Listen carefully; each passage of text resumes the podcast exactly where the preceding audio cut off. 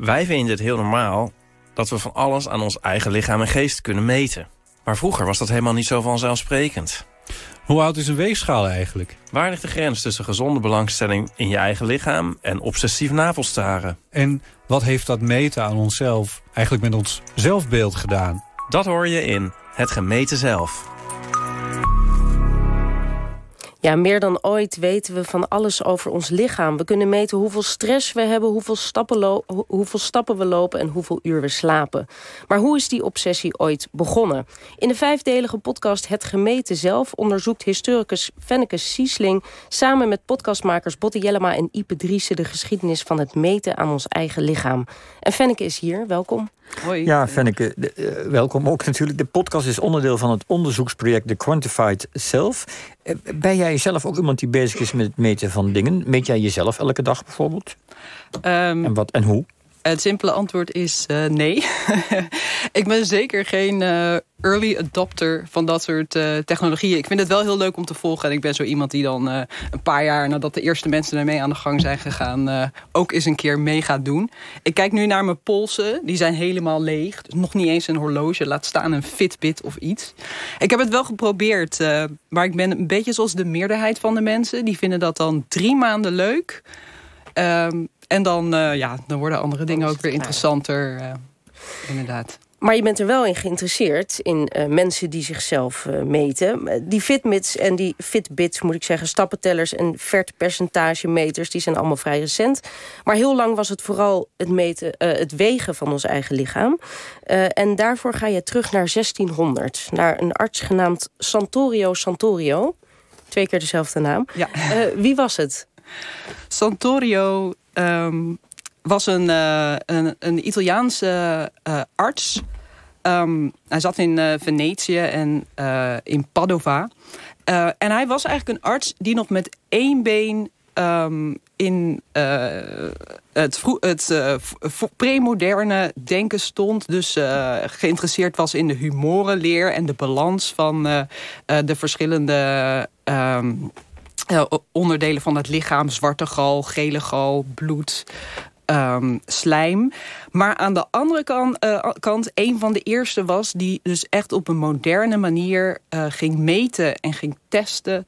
Uh, dingen ging uitproberen. Hij was een uitvinder um, die meerdere uitvindingen op zijn naam heeft staan. En die dus begon met wegen. En dan niet nou ja, gewoon een keer op de weegschaal staan. Nee, systematisch zichzelf wegen. Want hij had een weegstoel gemaakt? Ja, dat was een van zijn eigen uit, uitvindingen. Het was een weegstoel.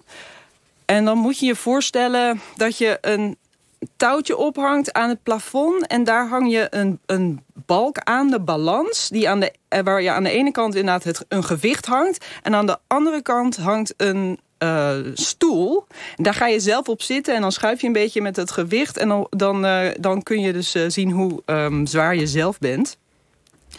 Um, en op die stoel ging hij uh, zitten om zichzelf te meten. En dat deed hij niet uh, één keer per week of zo. Dat deed hij niet één keer per dag. Nee, dat deed hij meerdere keren. Want hij was uh, geïnteresseerd in eigenlijk alles wat het lichaam inging en er weer uitging. Dus hij at er ook op en zo. En hij... Hij, moet daar, hij moet daar uren per dag op hebben doorgebracht. Want, en hij woog dus al het eten dat, dat erin ging. Dan woog hij zichzelf. En hij woog alles wat eruit ging. Dit, dit, klinkt echt wel naar een dwangneurose, hoor, in alle eerlijkheid. Maar goed, ga door. Ja, dat kan je ook uh, zeggen over sommige fanatieke dingen... die vandaag de dag uh, met die Fitbits uh, rondlopen. Maar dankzij Santorio is de hey, wetenschap hoe, hoe, hoe weet hij dan dat hij te zwaar is?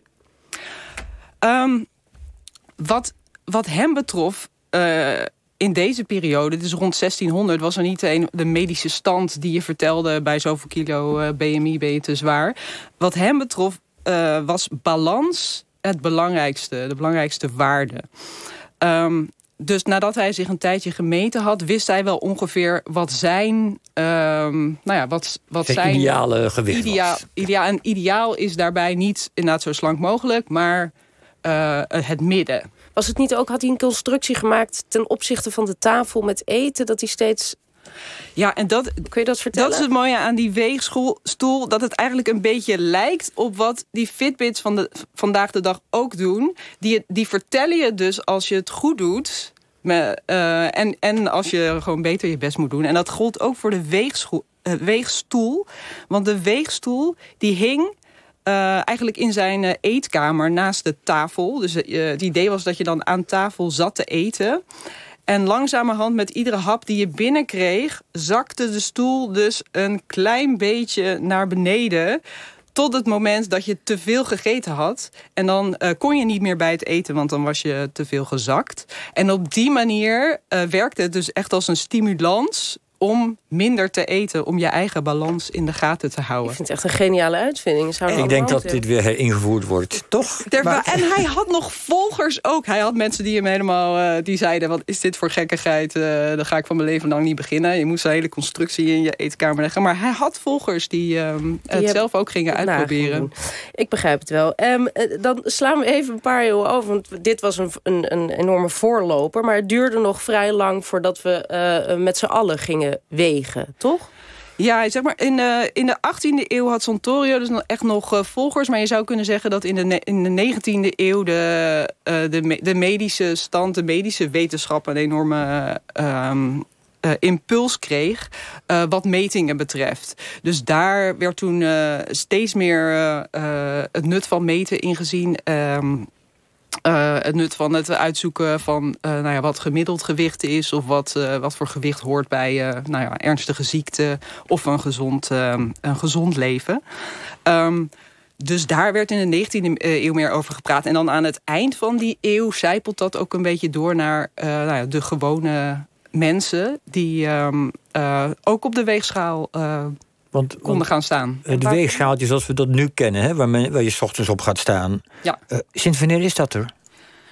Nou, je hebt nu natuurlijk van die hele platte, dunne, uh, digitale ja, ja, dingen. het oerding? Het oerding is inderdaad een massief uh, grote uh, weegschaal, zo'n zo'n penny scale uh, heet dat in het Engels. Ik weet niet of er een mooie naam voor is in het Nederlands.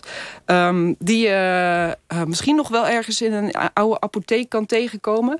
Maar die je aan het eind van de 19e eeuw bijvoorbeeld op de kermis kon tegenkomen. En in het begin van de 20e eeuw steeds vaker op, op een treinstation of in een warenhuis. je gooit er een cent in of twee cent. En dan kan het wijzertje gaan draaien. Dan ga je erop staan.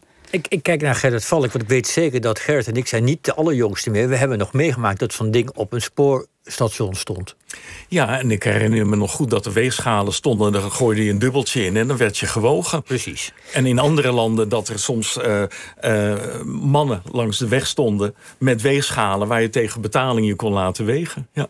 Want die jonge Wilhelmina heeft het uh, nog gedaan met hele troepen journalisten om zich heen. Ja, dat vond ik zo'n mooi verhaal. Dus heel, heel vroeg in de 20e eeuw um, uh, werd er een warenhuis um, geopend, inclusief weegschaal.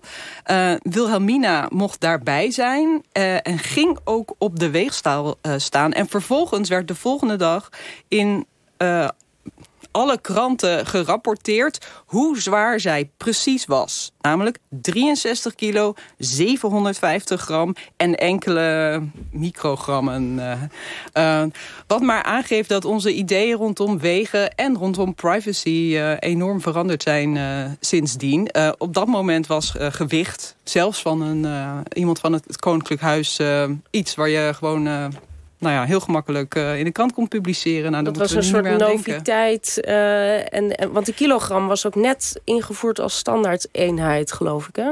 Nou ja, sinds de metrieke stelsel hebben we natuurlijk sinds de Franse uh, periode... Het, met horten en stoten werd dat ingevoerd. Um, maar er maar waren natuurlijk nog minder... We... Ja, sorry, ga ja, door. Ja, ja. Nou, ik, wat ik nog wou zeggen is dat er waren nog minder uh, van die normen... of mensen die meteen zouden gaan zeggen... oh, 63 uh, kilo, uh, dat, dat is te veel, dat is te weinig. Het, het was meer nog... ja, een soort, wat had een soort van wel een entertainmentwaarde... maar minder iets waar nog die, die zware morele oordelen uh, uh, aan vasthangen die wij Want hebben. wanneer komt dat dan op? Dat we er uh, ja, eigen waarde aan beginnen te ontleden? Ja, ik denk echt de jaren 20, 30 en vooral na de Tweede Wereldoorlog. En dat heeft dan ook te maken met die opkomst van de, nou ja, de hele medische wereld daaromheen. Die ging uitrekenen wat gemiddeld gewicht was en zou moeten zijn voor mensen in bepaalde leeftijdscategorieën. Dus dat soort waarden werden ook bekend. Um, en tegelijkertijd uh, gaat het dan hand in hand met uh, inderdaad, uh, reclames voor vrouwen die zouden moeten afvallen en daarom een weegschaal kopen. Dus je ziet dan um, een beetje inderdaad die moraal opkomen van nou ja, een, een vrouw die haar man tevreden wil maken, die koopt een weegschaal. Want dan kan zij haar, haar, het gewicht dat zij had in haar trouwjurk behouden. Goed, um, nu zijn we onszelf dus in de laatste decennia op allerlei vlakken gaan meten. Uh, uh, kort nog tot slot, wat, wat doet dat met ons zelfbeeld? Zijn daar onderzoeken naar gedaan? Ja, en eigenlijk die, die onderzoeken die hangen een beetje aan, uh, op uh, twee uitersten. En enerzijds leven we natuurlijk in een periode waarin we enorm aan onszelf kunnen werken. We kunnen allerlei dingen over onszelf ontdekken. Dus weten hoe vaak we slapen. En we kunnen aan zelfontwikkeling doen. Dat geeft ons echt nou ja, heel veel individuele mogelijkheden. Aan de andere kant is de kritiek dan altijd... ja, maar de waarden die we vandaag de dag meten... we moeten steeds sneller, efficiënt werken. Dat zijn de waarden van de, uh, onze neoliberale samenleving... die als een juk op onze schouders uh, drukken. En uh, nou ja, ik zit een beetje tussen die uiterste in, hoor. Ik denk dat... Uh, dat is altijd goed. Ja, ja, ja, precies. Goed, dankjewel Fenneke Siesling. De podcast Het Gemeten Zelf, daar, dat zijn dus vijf delen. Dus ga vooral luisteren, dan hoort u nog veel meer. die is te beluisteren via Spotify of iTunes. Dankjewel.